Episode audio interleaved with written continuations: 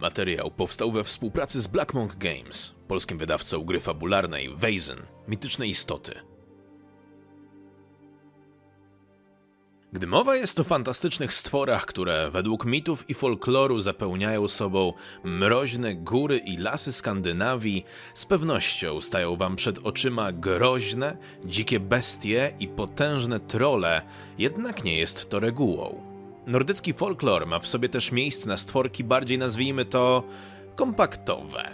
Równie kapryśne jak huldry, równie niebezpieczne jak draugry, lecz a zresztą, lepiej jest przekonać się samemu.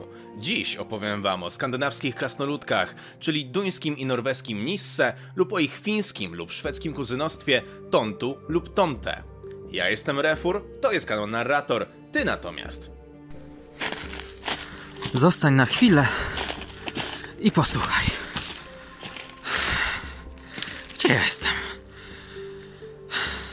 Według tradycji ludowej Tomte Nisse miały wygląd malutkiego ludzika, zazwyczaj mieszczącego się gdzieś pomiędzy 60 a 90 cm.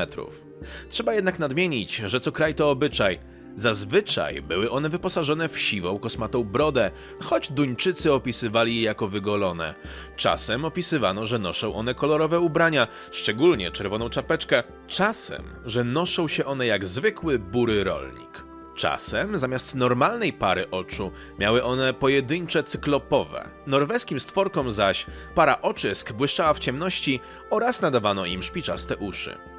Niektórzy wierzyli również, że mogły one przybierać dowolny kształt i rozmiar, ze szczególnym upodobaniem Tom Tenisse miały zmieniać się w kota, choć głównie wspomina się o ich zdolnościach iluzji i znikania, dzięki czemu ludzie widzieli je naprawdę nieczęsto.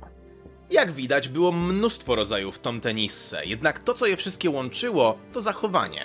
W wielu kulturach ludowych spotkamy jakiś rodzaj duszka domowego, który miał kryć się w trudno dostępnych miejscach chałupki, domu lub obory.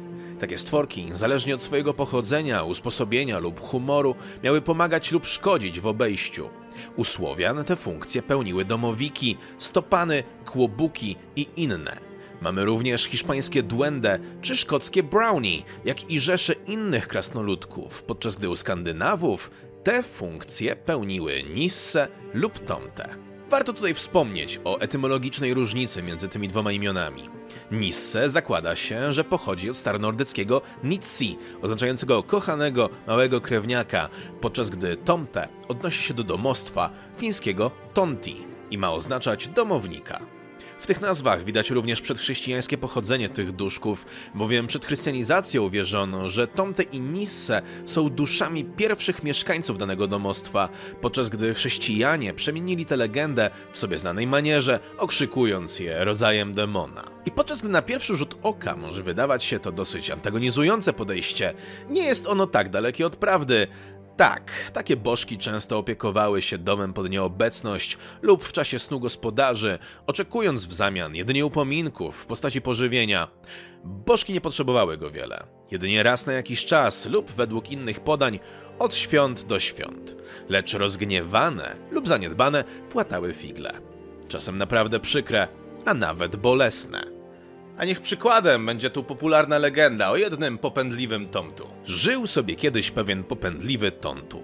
Jak to Tontu mają w zwyczaju, ten Tontu lubił jak mu gospodarz chatki zostawił raz na jakiś czas owsiankę. Tontu uwielbiał owsiankę, ale z biegiem lat nauczył się, że najlepsza owsianka jest taka, która na samym wierzchu ma kawałeczek masła. Od tego momentu Tontu nie chciał już jeść nic innego.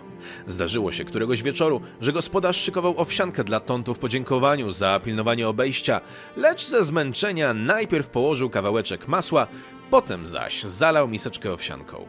Nieświadomy swojego błędu i nadchodzącej tragedii, postawił on posiłek w zwyczajowym miejscu, pewnie gdzieś na parapecie, po czym udał się na spoczynek. Kiedy Tontu ujrzał, że jego gospodarz przestał raczyć go owsianką z masełkiem na wierzchu, wpadł w ogromną wściekłość. Tak wielką, że z tej wściekłości aż rzucił się na krowę gospodarza i w emocjach ją zabił. Jednak jak to bywa, gdy jest się malutkim krasnoludkiem, Tontu strasznie się zmęczył katowaniem wielkiego stwora, zaczął więc jeść ofiarowaną owsiankę, zaś gdy dotarł do masełka, zdał sobie sprawę ze swojego błędu. Tontu, niewiele myśląc, wyruszył na całonocną wyprawę, by znaleźć identyczną krowę do tej, którą zabił i nie spoczął, aż takiej krowy nie przyprowadził, by gospodarz nie zorientował się, co się wydarzyło w nocy. Hm. Ciekawe, co zrobił z ciałem. No co? O tym, że Nisse lubowały się w owsiance, świadczyć może inna ludowa opowieść, wedle której pewnego dnia głodna córka innego gospodarza postanowiła zjeść owsiankę ofiarowaną ich tontu. Gospodarz znalazł swoją córkę następnego dnia dotkliwie pobitą przez rozgniewanego duszka. Więcej ten błąd się nie powtórzył. Jak widać, dosyć łatwo było zajść za skórę domowemu duszkowi, a było więcej niż kilka sposobów, żeby wprowadzić je w furię. Nisse nie cierpiały wulgarności, hamstwa i zaniedbań. Siermiężne razy od duszka można było osiągnąć przeklinając, sikając w oborze, czy nie dbając o zwierzęta. Zwyczajem było, by w momencie, gdy coś się wylało na podłogę, ostrzec mieszkającego pod nią Nisse. Posiadając ogromną siłę, często miały one dotkliwie karać za wszystko, co im się nie podobało. Potrafiły przywalić drzwiami lub pozwiązywać razem krowie ogony. Te stworki nie lubiły zmian. Preferowały, kiedy wszystko było takie jak zastałe i kiedy było po ich myśli. Szczególnie lubiły konie, którym często zaplatały warkoczyki, których nie wolno było rozplątywać. Tonte zazwyczaj miały swojego ulubionego konia w obejściu i gdy coś się z nim działo nie po ich myśli, potrafiły jadowicie ugryźć, a ich jad mogły wyleczyć jedynie osoby biegłe w sztuce magicznej. Co ciekawe, podczas gdy domowiki i inne domowe duszki zniknęły z przestrzeni publicznej, tak Tomte i Nisse dalej obecne są w kulturze Skandynawii. W okolicach wieku XVII Kościół bardzo walczył z wiarą w domowe duszki, a gdy któremuś gospodarzowi zbyt się powodziło, odrobinę zbyt religijni sąsiedzi mogli uznać, że po jego stronie stoją pogańskie bożki. Nie było to tak niebezpieczne jak inkwizytorskie zarzuty o czarnoksięstwo, jednak wszelkie pakty z siłami nieczystymi z pewnością powodowały pewną infamię w okolicy. Dziś jednak to podejście się zmieniło.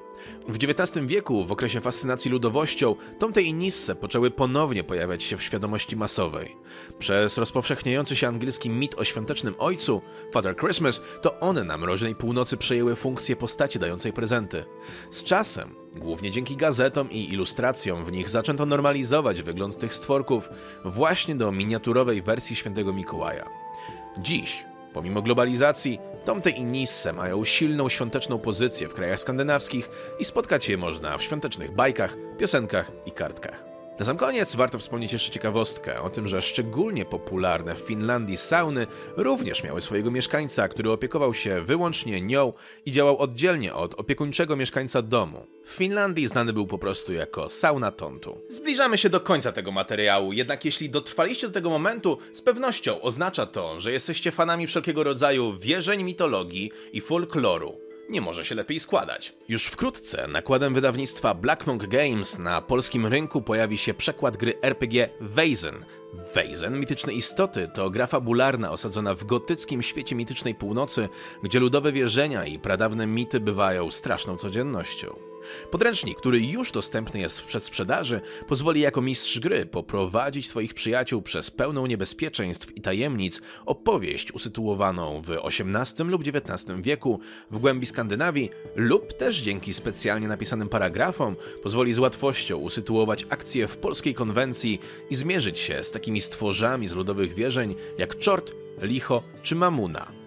Więc jeśli chcielibyście na własną rękę stanąć naprzeciwko wszelkiego rodzaju stworom z mitów, legend i innych moich materiałów, to Weizen, mityczne istoty, może okazać się właśnie tym, czego potrzebujecie. To tyle na dzisiaj. Mam nadzieję, że wyciągnęliście z tego materiału kilka ciekawych informacji.